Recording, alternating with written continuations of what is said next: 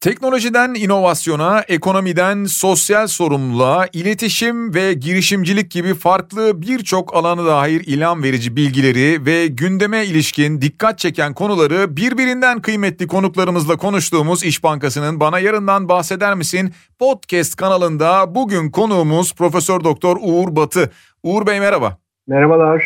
Uğur Bey sizi bulunca aslında pek çok soru sormak istiyorum ama tabii öncelikle iletişimden başlayacağız. Biraz insan davranışlarından başlamak istiyorum. Son yıllar içerisinde tabii pandemiye de bağlı olarak ama sırf pandemi dönemi içinde değil son yıllar içerisinde genel olarak insan davranışlarında, hareketlerinde bireysel olarak ne tür değişimler gözlemliyorsunuz? Aslında e, tabii her şeyin bir e, aydınlık bir de karanlık yüzü var. Bence insan davranışlarındaki değişimde iki farklı başlık altında değerlendirebiliriz. Genellikle kötüye meyilli olduğumuz söylenilir. Bu bilimsel bir bilgi değildir, daha çok yorumdur. Ve genelde de temelinde tür davranışı yer alır. Hayatta kalmak isteyen insan aslında birçok riskleri bertaraf ederek yaşama eğiliminde olduğu için e, olabilecek bütün riskleri, olabilecek bütün olanak ve imkanları en kötümser haliyle düşünüp e, kendisini ve e, yaşamını, varlığını tabiri caizse bir survival mantığında korumaya çalışır. Bu yüzden kötüye meyilli olduğumuz söylenir. Ama ben hmm. orayı şey gibi düşünüyorum. Star Wars hikayesi gibidir. Bir maji bilgi hikayesidir. Orada dark side of the power yoktur. Gücün karanlık tarafının yanında insanda e, karanlığın ve iyiliğin, kötülüğün ve iyiliğin tüm halleri vardır. Hatta uncut version'larda görürüz. Jedi'lar uzak galaksilerde e, köle ticareti yaparlar. Yani aslında LucasArts da hikayeyi yazarken son derece ilham verici bir hikaye yazmıştır. Şimdi böyle olduğu için biz genellikle böyle geleceğe dikkat edin hep böyle bir kötümser tahayyül ederiz. Hani robotlar gelecek, algoritmalar gelecek, evet. yapay zeka dünyanın sonunu getirecek vesaire. Olabilir mi? Olabilir. Gayet ihtimaller dahilinde. Ee, ama bundan e, 150 yıl önce de belki bugün içinde bulunduğumuz dünyayı bu kadar e, hoş tahayyül edemezdik. Ya da e, 1600 yıllarda yaşam ömrü ortalama 40'lı yaşlara yakınken herhalde insanlar 80 plus yaşayabileceklerini düşünmezlerdi diye düşünüyorum. Veya bütün bu teknolojik imkanlarla. O yüzden hmm. her iki tarafını da değerlendirelim. Ee, evet, e, insanlar bugün çok ciddi bir kimlik arayışında. E, yüzen gezen kimliklerden söz edebiliriz. Sürekli bir kayma halinde. İnsanlar, devletler, organizasyonlar, e, güç odakları e, bizler için neler tanımlamaya çalışırsa çalışsın e, insanlar e, açıkçası hele ki yeni jenerasyon yani bugün Türkiye'de 5 jenerasyon aynı anda yaşıyor. Hele ki son 3 jenerasyona baktığımızda kendilerini bambaşka tanımlıyorlar. Evrensel vatandaşlar, ne bileyim Finlandiya'nın e, sınırında e, toprağı ve e, bir e, varlığı söz konusu olmayan bir ülkeyi e, Birleşmiş Milletler'e tanıtmaya çalışıyorlar. Uzayda Mars'tan, e, Ay'dan hmm. toprak almaya çalışıp meteor sahiplenen insanlardan bahsediyoruz. Üstelik bunlar fantazi değil. Dolayısıyla artık insanlara tanımlamalara getirmek çok zor. Biz ona postmodernizmde şöyle söyleriz Mete. E, öznenin merkezsizleştirilmesidir. Aslında artık kaynak her ne kadar sanki çok benliğe, bene dönmüş olsak bile artık merkezde öznede bence insan yok. Ben de yok. Merkezde öznede biz halinde yaşayan ben var. Yani biz halinde yaşayan ben var. Artık bu everything goes yani her şey gider mantığıyla insanlar kendilerini bambaşka kimliklerde tanımlamaya çalışıyorlar. 70'li 80'li yıllarda arabesk söylüyor diye Müslüm Gürses'e zulmediyorduk. Sonra e, 2000'li yıllarda Murat Anmunga'nın ona yeni, yeni yazdığı sözlerle biz bir anda e, Müslüm Gürses'in çok iyi bir caz gırtlağına sahip olduğu kanısına vardık ve e, aslında e, yüksek sanat aç- açılışlarında falan Müs- Müslüm Gürses çalmaya başladı. Ama bu kadar bu kadar enteresandır aslında evet. insanın kimliğindeki dönüşüm. Bunlar tabii davranışlara da sirayet ediyor. Yeni arayışlar. Hele ki bu salgınla birlikte bir tekamül arayışı var. İnsanlar dikkat edin her yerde eğitilmeye çalışıyorlar. Her yerde kendilerini geliştirmeye çalışıyorlar. Biraz daha e, biz ona yargısız farkındalık deriz. Şu mindful olma durumu biraz daha artmış durumda. İnsanlar bilginin peşinden koşuyor, bilgiyi filtrelemeye çalışıyor. E, diğer taraftan da yani bunlar biraz olumlu özellikler olarak sayabileceğim şeyler. Diğer taraftan da bir dünyayı ganimet kültürü almış gitmiş. Merkez ülkeler çevre ülkelerin haklarını gasp etmeye çalışıyor. E, erk güç odakları etrafında birleşmiş durumda ve dünyanın temel problemlerinden biri adaletsizlik. Ee, herkes çok istiyor ve hemen istiyor ee, ve sürekli istiyor. Yani sürekli bir e, şehvetli, cazibeli bir tüketim paradigması oluşmuş durumda. Bu tüketimi sadece ürün ve hizmetlerin tüketimi olarak düşünmeyelim. İnsanlar aşkları tüketiyorlar, ilişkileri tüketiyorlar, evlilikleri tüketiyorlar, yakınlıkları, dostlukları tüketiyorlar ve dikkat edersen toleransımız çok azalmış durumda. Yani hani yılların süren, e, yıllarca süren dostluk, geliştirilen dostluklar e, tek kalemde vazgeçilebilir bir duruma e, kavuşabiliyor. Açıkçası sadakatsizlik e, bu yüzyılın en önemli araçlarından biri diye düşünüyorum. Ama sürekli hareket halindeyiz onu söylemek lazım. Evet bu arada aslında daha uzunca bir konu var ama şimdi siz anlattıkça hep bir yandan bunu düşünüyorum. Zaman da hepimiz için çok kıymetli oldu. Hatta o zaman artık 24 saat içerisinde bir gün bize yetmemeye başladı sanki. Neden böyle hissetmeye başladık? Aha, bence zamanın farkına varmaya başladık. Çünkü aslında yıllarca bilim kurgu filmleri bize bir takım zaman tanımlamaları yapsa da güçlü. E, aslında o zaman makinesi dediğimiz şey iki kulağımızın arasındaydı. Biz ona beyin diyoruz. Şöyle örnekleyeceğim sana. Zaman tamamen izafi bir kavram. Yani bizim oluşturduğumuz bir algı aslında. Ee, mesela bir bir dakikayı ele alalım. Eğer bunu rakamsallaştırırsak bir dakika 60 tane saniyeden oluşur. Hı hı. Ve saymaya başlayabiliriz. 1, 2, 3, 60'a kadar saydığımızda bize bir dakika verir bu. Ama ben de sana sorarım o zaman. Ee, acaba e, bir jetin içerisinde 1200 kilometre bölü saatli hızla ilerlerken algıladığımız bir dakika ile bir kettle'ın başında kahve içmek için ısıttığımız suyu beklerken hissettiğimiz, algıladığımız bir dakika hmm. aynı bir dakika. Güzel Bak, soru. Bir tane, evet, çok basit bir soruyla bile e, zamanın ne kadar izafi olduğunu anlayabiliriz. O yüzden insanlar ben ben şöyle düşünüyorum en azından. Bu, bu, bu tür söylemlerde bence demek lazım. Çünkü bence demediğimiz zaman bazen e, böyle titrimizin başında profesör olduğu zaman, akademisyen olduğu zaman sanki bilimsel bir bilgiyi aktarıyormuşum gibi oluyor ve kibirli bir tavır oluyor. Yanıltmayalım hiç kimseyi. Bunlar bence söyleyebileceğim şeyler. E, insanlar e, ölüm bilincine sahip tek varlık. İnsandan başka ölüm bilincine sahip, yani öleceğini bilen bir varlık yok. Başlangıcı var, sonu var. Başlangıcını biliyoruz, doğduk ve ilerliyoruz. Sonunu bilmiyoruz. Yaşayıp göreceğiz. O yüzden insanlar madem sağlık hizmetleriyle, önleyici tıpla, kendilerine iyi bakarak, wellness'la vesaire e, ömürlerini bir zaman uzatabiliyorlar güçlü ama yani hani ortalaması Dünya Sağlık Örgütü 70 yıl diyor değil mi? Yani öyle bir evet. ortalama veriyor. E o zaman e, ne diyoruz burada? Madem süre bu kadar o zaman o sürenin içindeki e, zamanı daha değerli kılmaya çalışalım ki yaşadığımız her saniyenin bir kıymeti olsun. Biraz da insanı hedonist yapan da böyle bir şey. Ben şöyle diyorum zaman size sıradan akışkan sabit akımla akan bir nehir gibi gelebilir. Ee, küçük bir deney yapalım istiyorsan senle. Ee, bu deneyi yapmak için e, bir saniye kolu olan yuvarlak bir saat bulman yeterli aslında. Hı hı. Cep telefonlarındaki klasik saatler bile olur.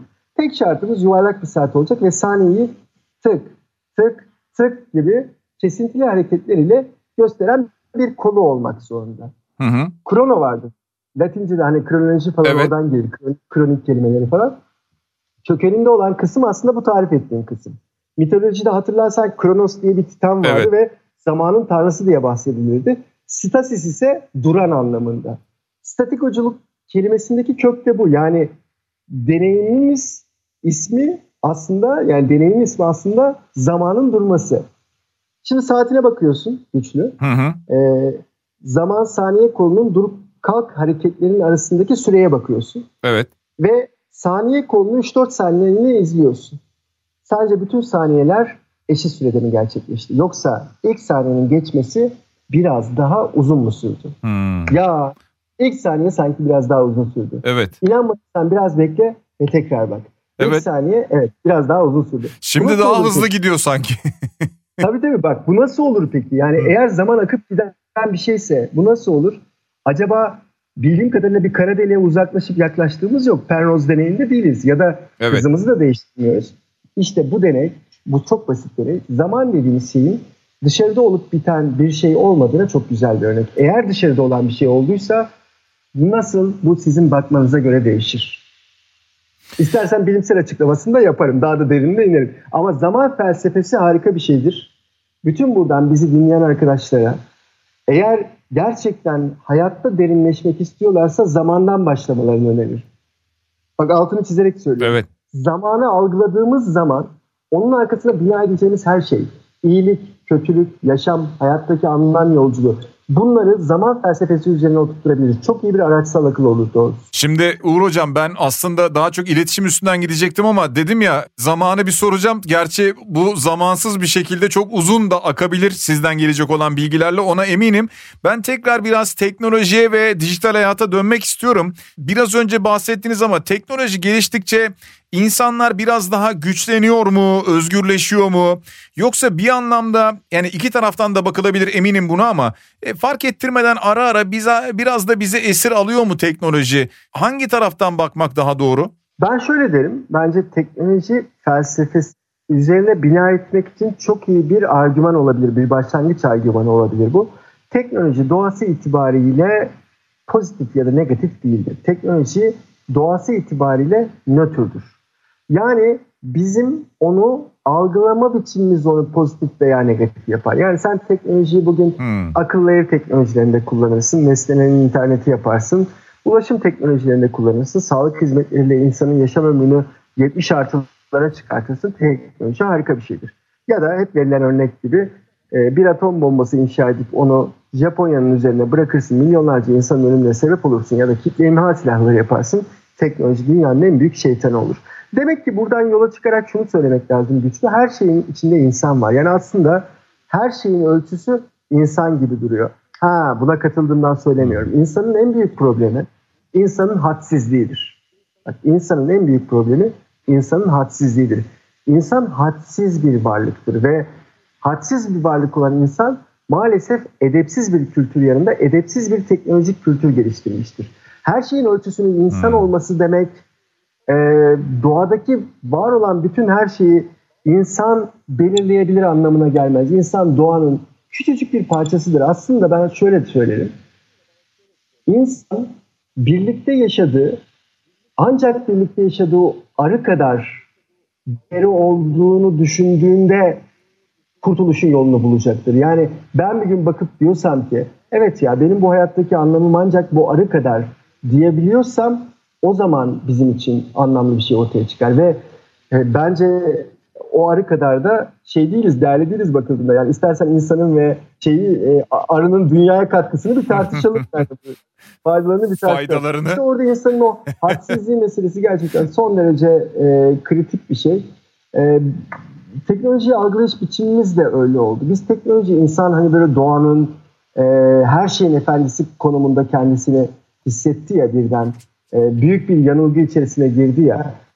Zannetti ki e, biz e, zamanı tekrar yaratabiliriz. Zannetti ki biz doğa doğayı alt edebiliriz. Halbuki bugün korona meselesinin arkasında ne çıkarsa çıksın bence e, doğaya karşı hadsizliğimiz çıkacak. Başka bir hadsizliğimiz de e, dünyada bilinen e, 10 milyon tür olduğu tahmin ediliyor. Bunlardan 2 milyon Birleşmiş Milletler Çevre Örgütü'ne göre Bunlardan 2 milyonu yok olmuş durumda. E, bu teknolojiyle ilerlediğimizde biz yılda yaklaşık bin tane tür bulabiliyoruz. Ama belki teknoloji ister bir kuvvete eriştiğinde daha hızlı türleri keşfediyor olacağız ama bir şey değiştirmeyecek bu. İnsan bu türlerden sadece bir tanesi. Üstelik insanın şu dünyadaki varlığıyla e, bütün gezegenin varlığını, e, canlılığın varlığını karşılaştırdığımızda yine bir örnek üzerinden e, sana anlatacağım. Ne kadar önemsiz olduğumuzu. Gel güçlü şöyle yapalım. E, bütün e, evrenin yaşına baktığımızda astrofizikçiler evrenin 13.7 milyar yıl olduğunu söylüyor. Yani 13.7 milyar yıl var. Bunun 4.5 milyar yılında e, gezegenler var. 4.2 milyar e, yılında da canlılık var. Yani dünyanın içerisinde canlılık var. E, peki e, hı hı. insanın e, varlığını baktığımızda ne kadar bir zamandan söz ediyoruz? İşte Homo sapiens sapiens yani bildiğini bilen insan yaklaşık 350 bin yıldır var. Yani Afrika'da Rift Vadisi'nden çıkış noktasını Nature dergisi en son 350 bin yıla sabitlemiş durumda. E peki gel analojimizi, benzetmemizi şöyle kuralım. Dünya e, bir günde e, yaratılmış olsun e, ve saat 12'de yaratılmış olsun. Bu durumda sabahleyin saat 5 gibi dinozorlar var olacak ve 5.45 gibi yok olacaklar. Ee, sanayi devriminden bugüne insanı yani 350 yıldır alırsak 23.59'un son saniyelerinde varmış gibi göreceğiz, göreceğiz. Ama bu yapay zekalar, algoritmalar ürettiğimiz son 100 yıl diyelim ona da. 100 yıl önceki bilimsel birikimi alırsak da 23.59 59'un son saliselerinde ancak insanlar bu teknolojiyi mah, e, kurmuş olacaklar. Peki o zaman soru şu olacak.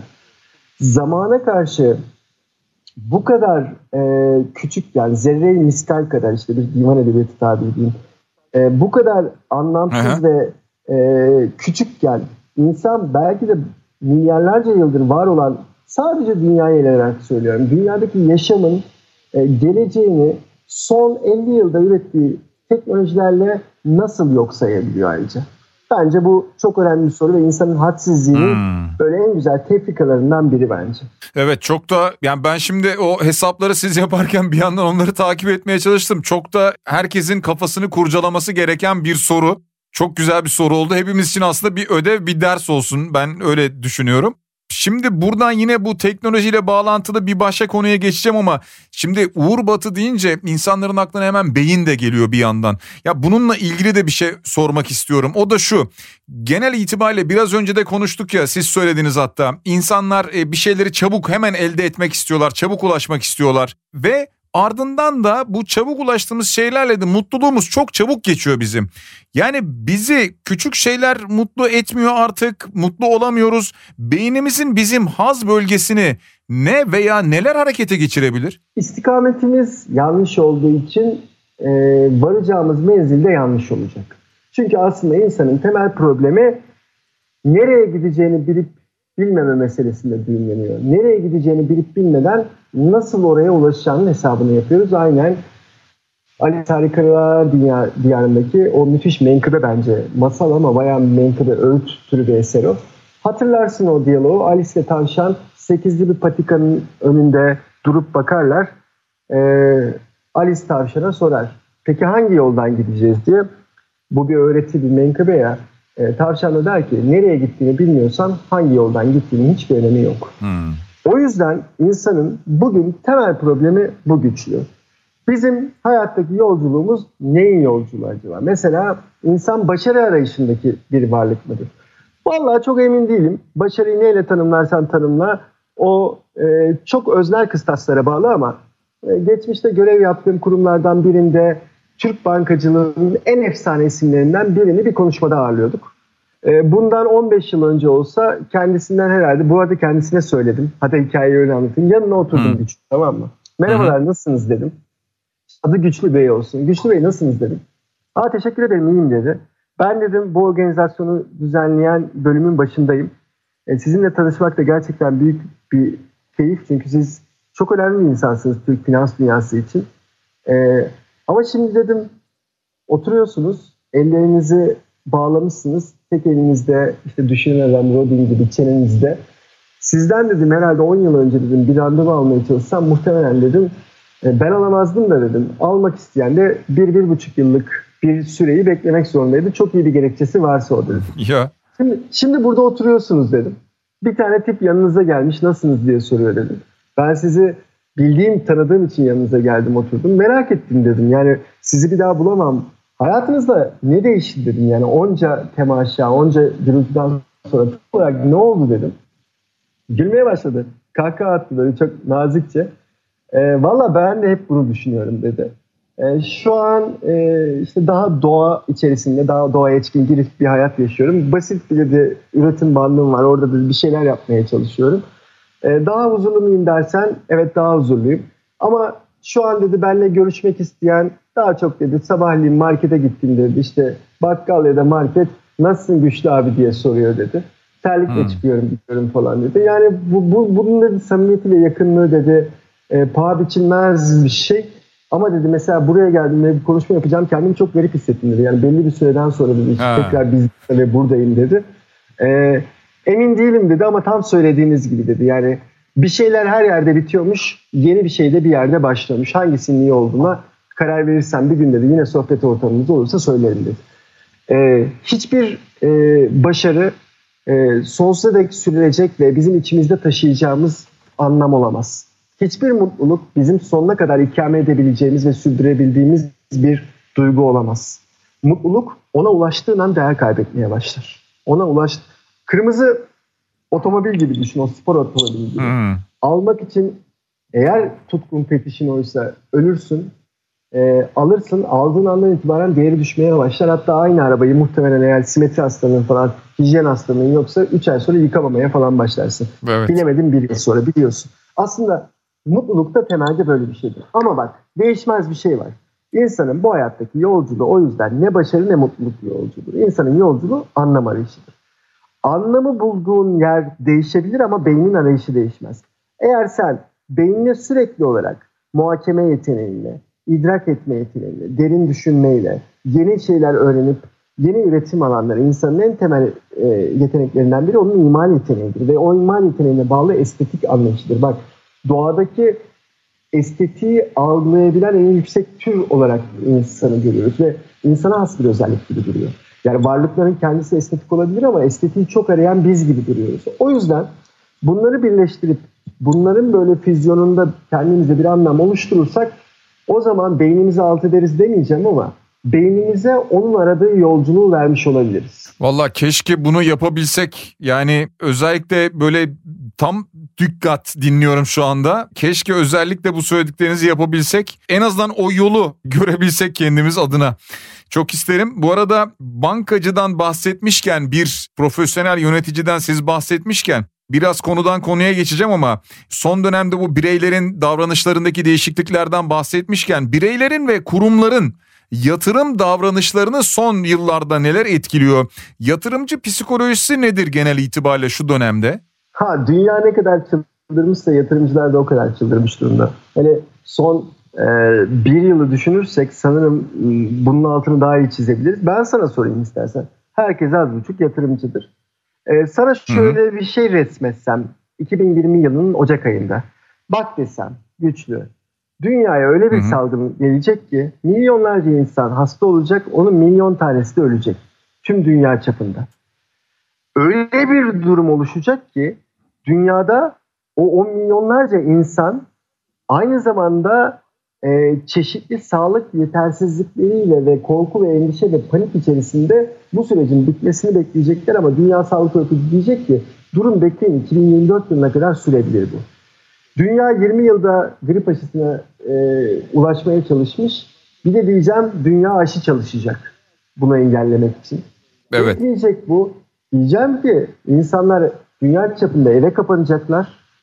Eve kapanacakları için üretim dünyanın pek çok noktasında duracak.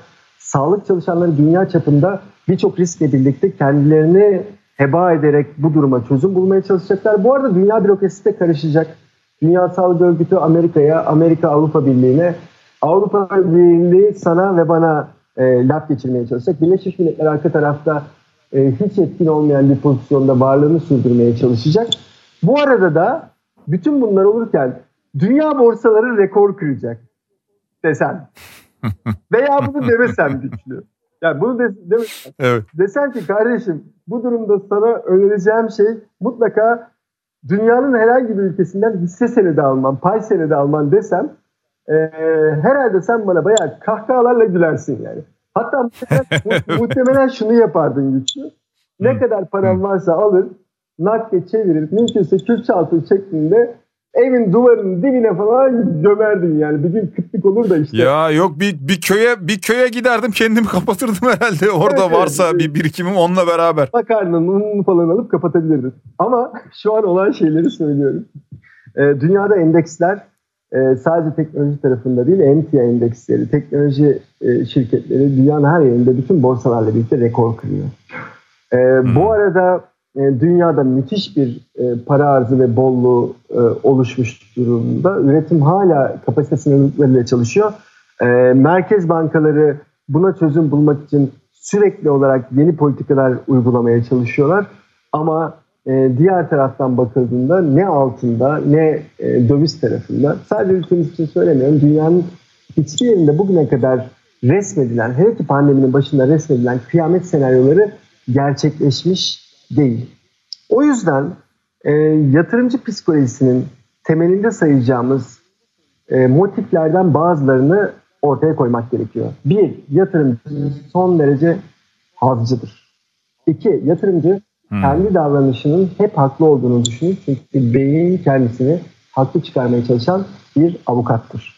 Sürekli olarak o yatırımın niye yapacağına ilişkin e, geçerli nedenler ortaya koyar. Onları bir mihenk taşı olarak kabul eder, bir referans noktası olarak kabul eder. Onun üzerine yeni çerçeveler, orayı çerçeveler ve onun üzerine yeni referanslar ilişkilendirir.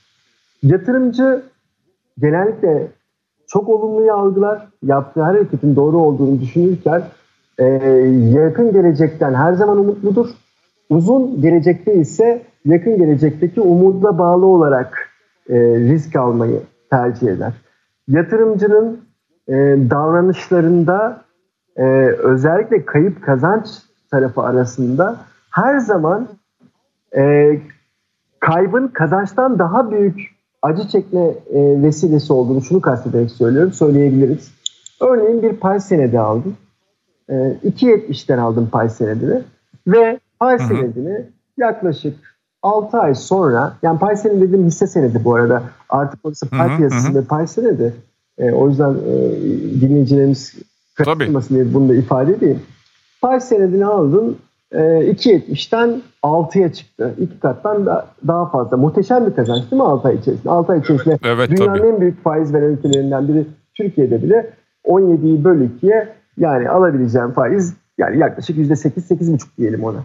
Peki e, harika yani %100'den fazla kazandırdın. Sevindik koyduk onu kenara. Peki o terk ettiğin yani 6'da terk ettiğin pay senedi ya 50'ye yükseldiyse hmm. 6 ay sonra. Çok mu mutlu olursun iki katından fazla kazandığın için yoksa hala ağlıyor mu olurdun? Ağlıyor olurduk herhalde. Ama kazandın iki katından fazla. İşte nereden baktığımıza bağlı değil mi? İşte insanoğlu hep ister, sürekli ister, çabuk ister. Dolayısıyla hele ki insanoğlu bir de e, yakın zamanda elde edeceği bir kazancı uzak gelecekte e, imkan sahibi olacak kazançtan çok daha elzem görür. O yüzden bizde böyle özellikle borsa yatırımlarında falan, vadeli işlem opsiyon yatırımlarında falan yatırımcıyı hep o nezde finansal iletişim yoluyla eğitmeye çalışmışızdır. Yani bunun beyin bilim açısından bir sürü şeyi vardır bu arada, çıktısı vardır. Mesela sana 100 bin dolar e, verdiğini düşün bir proje için e, ve soruyorum güçlü 2021 yılının Haziran ayında o 100 bin doları e, senden 110 bin dolar e, sana 110 bin dolar olarak geri ödeyeceğim. Sana, e, bana 100 bin dolar vermeni istedim ya. Sana 110 bin dolar olarak geri vereceğim. Hı-hı. Bunu mu istersin diye soruyorum. E, ya da e, 2022'nin e, Şubat ayında ben o 100 bin doları sana 130 bin dolar olarak e, geri ödeyeceğim diye sorduğumda genellikle insanların tercihi hep ani ve hızlı kazanç. Yani o laf var Yakın. Ya, evet cebe hmm. yakışır kar meselesi. Bu e, genelde volatil piyasa, piyasaların yani çok hareketli piyasaların oluşmasına neden olan hatalı bir e, yatırımcı davranıştır. E, bütün yatırım davranışları son derece rasyonel e, bazılardan hareket eder gibi düşünülmeli ki hiç rasyonel değildir. Bugün davranışçı finansiye çok önemli bir alan. Dünyada bütün ekonomi disiplini, finans yatırım disiplini aslında e, örtülemiş durumda. Ama sen yatırım yaparken şu kıstasları göz önünde bulundurmalısın. Payın bilançosu ne? Gelecekte acaba söz konusu karlılık artar mı? Yeni pazar imkanları var mı? Acaba bir bedelsiz artırım olur mu? Daha önceki hisse performansı ne? Rasyolarına bakarsın falan böyle karar verirsin normal koşullarda. Ve hisseyi eğer karlı görünüyorsa bu bilanço okuma yani finansal okur yazarlık lazım orada. Uzun süre mesela ne kadar gerekiyorsa tutma eğiliminde olursun. E, dünyada yatırımcı davranışını artık pek böyle seyretmedim. Bizim ülkemizde zaten böyle seyretmiyordu ama gerçekten dünya ne kadar çılgınsa yatırımcıların da o kadar çılgın olduğunu söyleyebilirim. Peki şunu soracağım ben e, benim hatam ben daha henüz okuyamadım benim eksikliğim ama kusursuz kararlar vermek ve ikna sanatı kitabınız var. Bunu tabii ki burada tek cümlede anlatmanızı istemeyeceğim ama kusursuz karar verebilmek mümkün mü veya buna yakın kararlar alabilmek mümkün mü insan hayatında? Verdiğiniz kararın kusursuz olup olmadığını kararı verdiğiniz anda asla anlayamazsınız. Daha sonradan dönüp bakarsınız ve olası bütün seçenekler arasında kıstas olarak o kararın o zaman dilimi için kusursuz olduğunu retrospektif görürsünüz. Dönersiniz ve tekrar bakarsınız. Hmm. Zaten benim kitabın adını koyarken de temel meselem oydu güçlü. Biliyordum bu itirazın geleceğini. Sen itiraz ettin diye söylemiyorum. Yok Buna etmedim zaten. yok yok. Ben iyi ettim. Ben ben ettiğini düşündüm şu anda. hazırım ya böyle. İtiraza hazırım ya yani o yüzden. ben bunun e, itiraz geleceğini özellikle gelsin diye de e, kitabının ismini öne koydum. Bütün kararlar retrospektiftir. Yani geçmişe dönüp bakarsın ve dediğim gibi o olağan koşullar içerisinde, verili koşullar içerisinde evet ben en doğru kararı vermişim dersin. Ama karar vermenin prensipleri vardır. Bunlar adım adım ne olduğu bellidir. Belli merhaleleri geçersin. Dolayısıyla karar vermek sonuçları duygusal olabilen ama e, çıkış noktası rasyonel olarak değerlendirebilecek bir takım planlama e, aşamalarını, hedef aşamalarını, öngörü aşamalarını, içgörü aşamalarını ilgilendirir. Bütün bu kararları irrasyonellikten uzak, ön yargıları eğer mümkünse çöpe atarak verdiğimizde en azından şöyle söyleyebiliriz. Ben o belli koşul, koşullar içerisinde en kusursuz olabilecek kararı verdim. Hı. Bir daha olsa bir daha veririm. Yaklaşımına sahipsen o kararın kusursuza yakın olduğunu söyleyebiliriz. En azından o koşul. Doğru. Genel olarak benim bakış açım da bu zaten aslında. Şunu da soracağım.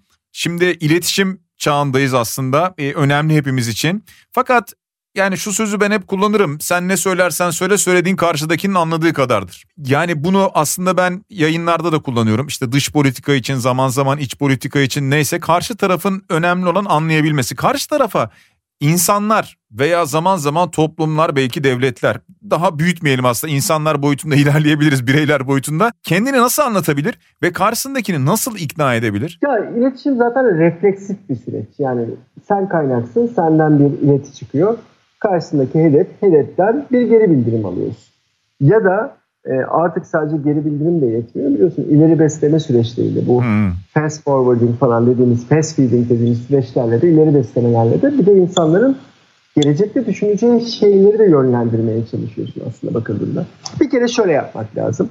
Ben en güzel tanımını sana e, öyle yapabilirim. E, bizim bildiğimiz Freud, Sigmund Freud. E, Amerika Birleşik Devletleri'nden de nefret eder bu arada. E, Freud bir gün Viyana Bergase'deki evinde asistanlarına döner ve der ki e, benden Amerika'ya gidiyorum ve oklu kirpilerle ilgili bir takım konferanslar vereceğim der. Bakarlar Allah Allah oklu kirpi. Oklu kirpi de bizim bildiğimiz kirpiler işte. Hmm. Ve gerçekten Amerika'ya gider ve yıllarca da e, kirpiyi nesne metafor olarak kabul ederek önemli bir konferanslar dizisi gerçekleştirir. Bence iletişimin en güzel tanımını işte o konferanslardan e, bulabiliriz. E, iletişim mesafe bilme sanatıdır. Mesafe tanıma sanatıdır. Metafor şöyle gerçekleşir ki bu metaforu Schopenhauer da kullanır. Soğuk kış günlerinden birinde kirpiler soğuktan kırıldıkları için birbirlerinin vücut ısılarından faydalanmak için birbirlerine yaklaşırlar. Yaklaştıklarında dikenleri birbirine batar. Dolayısıyla açılırlar. Açıldıklarında soğuktan kırılırlar, tekrar yaklaşırlar. Yaklaştıklarında dikenleri birbirine batar, canları acır, tekrar açılırlar. Bu süre bir süre böyle devam ettikten sonra kirpiler yaklaştıklarında vücut ısılarından faydalanabilecekleri ama dikenlerin birbirine batmadığı bir nokta keşfederler. İşte o keşf nokta iki kişinin birbiri arasındaki mesafedir. O yüzden İngilizce'deki o keep your distance gibi laflar yani mesafeni koru gibi hmm, hmm. E, tabirler buradan yola çıkmıştır. En güzel iletişim tanımlamalarından biri. İletişim mesafe bilme sanatıdır. Bunu beden dili açısından düşünürsek ben şimdi güçlü Mete'nin karşısına geçip de 15 santim bir mesafeden gözünün içerisine girerek konuşmaya çalışırsam muhtemelen rahatsız olur iki adım geri çekilir veya beni uyarır. Hani biraz açılarak konuşalım mı diye. Çünkü rahat hmm. edemezsin. Ve diğer bütün şekli, e, şematik jestler, beden dili, postürler bunu bunun içine kat. İletişim bak mesafe bilme sanatı. Yani fiziksel olarak da mesafe bilme sanatı. Ya da ben senin oğlunun ve 9 yaşındayım güçlü.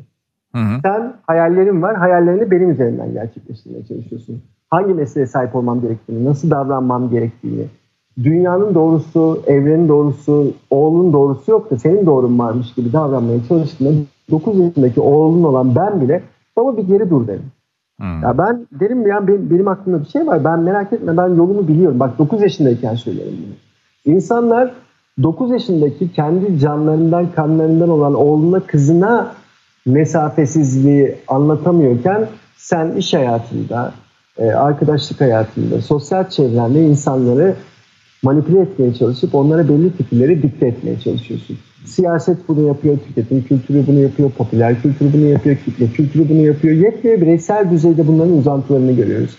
Mesafesizlik iletişimi öldürür.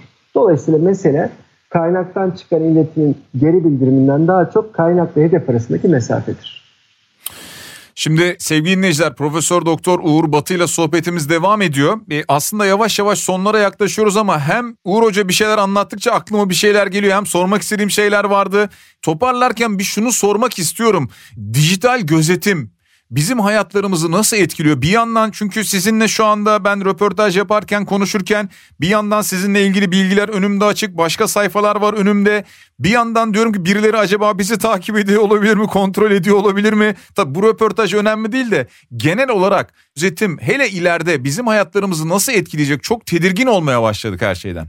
Ee, olabiliriz e, bence gelecekle ilgili en tedirgin edici şeylerden biri gerçekten e, dijital gözetim dediğimiz kavram. Yavaş yavaş dijital gözetim toplumları oluşmaya başladı ve bence salgınla birlikte bu daha açığa çıktı. Çin dünyanın e, ilk dijital gözetim devleti olabilir. Yüz binlerce kamerayı birçok eyalette, büyük eyaletlerde sokaklara yerleştirdiler. Sosyal vatandaşlık puanını devreye soktular Mesela geçen sene boyunca yaklaşık 20 bin Çinli o sosyal vatandaşlık puan nedeniyle bir eyaletten bir eyalete hızlı trenle seyahat edemedi. Çünkü puanları yetersizdi. Yani puanlarda hmm. işlediğin suçlar, vergiler bilmem ne falan bir sürü total bir puan hesaplanıp veriliyor. Black Mirror benzeri bir hayat evet, yani. Evet yani Çin buna çok hızlı geçti doğrusu. Ee, burada e, işi biraz felsefi ve iletişim bilimleri temeline dayandırmak lazım. Biraz panoptikondan söz edeyim. Panoptikon İngiliz filozof ve toplum kuramcısı Jeremy Bentham'ın hatta Bentham kardeşlerin 1785 yılında tasarlamış olduğu bir hapishane modeli aslında. Yani bir hapishane inşa etmiş. Tasarımın konsepti gözetlemeye izin veriyor. Yani şöyle mesela pan bütün demek, gözetlemek optikon demek bu arada. Bu tasarım birkaç hı hı. katlık tek odalı hücrelerden oluşan bir halka üzerine kurulu her hücre bu halkanın iç kısmına açık ve halkanın dış cephesinde duvarda birer pencere var. Halkanın ortasında mahpuslardan tamamen saklanmış konumdaki gözlemcilerin kaldığı bir nöbet kulesi var. Ee, burada panoptikonun temelinde yatan ilke tek hücre odalı o hücrenin içerisinde e, sakine saklanacak hiçbir yer bırakmaması. Yani mutlaka görülüyorsun. Buna karşılık hmm. dış cephedeki duvarın penceresinden gelen dış ışığın kuledeki nöbetçilere mahpusun her hareketini bir süliyetini izleme olanağı sağlaması gerçekten olayın dehşetini artırıyor. İşte Bentham'ın yaklaşımına göre hmm. gözlemlenen her yanlış davranışın ceza getireceğini bilen ama davranışların aslında ne zaman gözlemlendiğini bilmeyen mahpus aklını başına toplayarak her zaman izleniyormuşçasına davranmaktan başka seçeneği olmadığı için mahkum bizzat kendi kendinin mahpusu haline gelecektir. Yani bizzat kendi hareketlerini kollamak durumunda kalacaktır. Bentham Panopticon'u bir üst aklın gücü elde etmesinin yeni bir modeli olarak tasarlamış ve ifade etmiştir. Ben de bunun üzerine söylerim ki eğer bireyi, toplumu birey düzeyinde kontrol edecek olan bir erkek olsam bu adına ister devlette ister üst yapı kurumları da e, doğrusu panoptikon oluşturmak isterdim. En azından zihinde panoptikon oluşturmak isterdim ki ehli, uysal, hiçbir uyumsuzluğu söz konusu olmayan böyle tatlı tatlı yaşayan vatandaşlarım olsaydı diye hayal ederdim doğrusu. Evet buraya doğru gidiyor hikaye. Peki bu bütün dünyada buraya doğru gidiyor şu anda. Uğur Batı, Profesör Doktor Uğur Batı konuğumuz oldu. Aslında belki başka bir zaman başka bir bölümde yine devam ederiz. Çok aydınlatıcı bir program oldu bizim için. Çok teşekkür ediyoruz. Ben de teşekkür ederim. Çok sağ olun. Bütün izleyicilerimize, dinleyicilerimize sevgiler.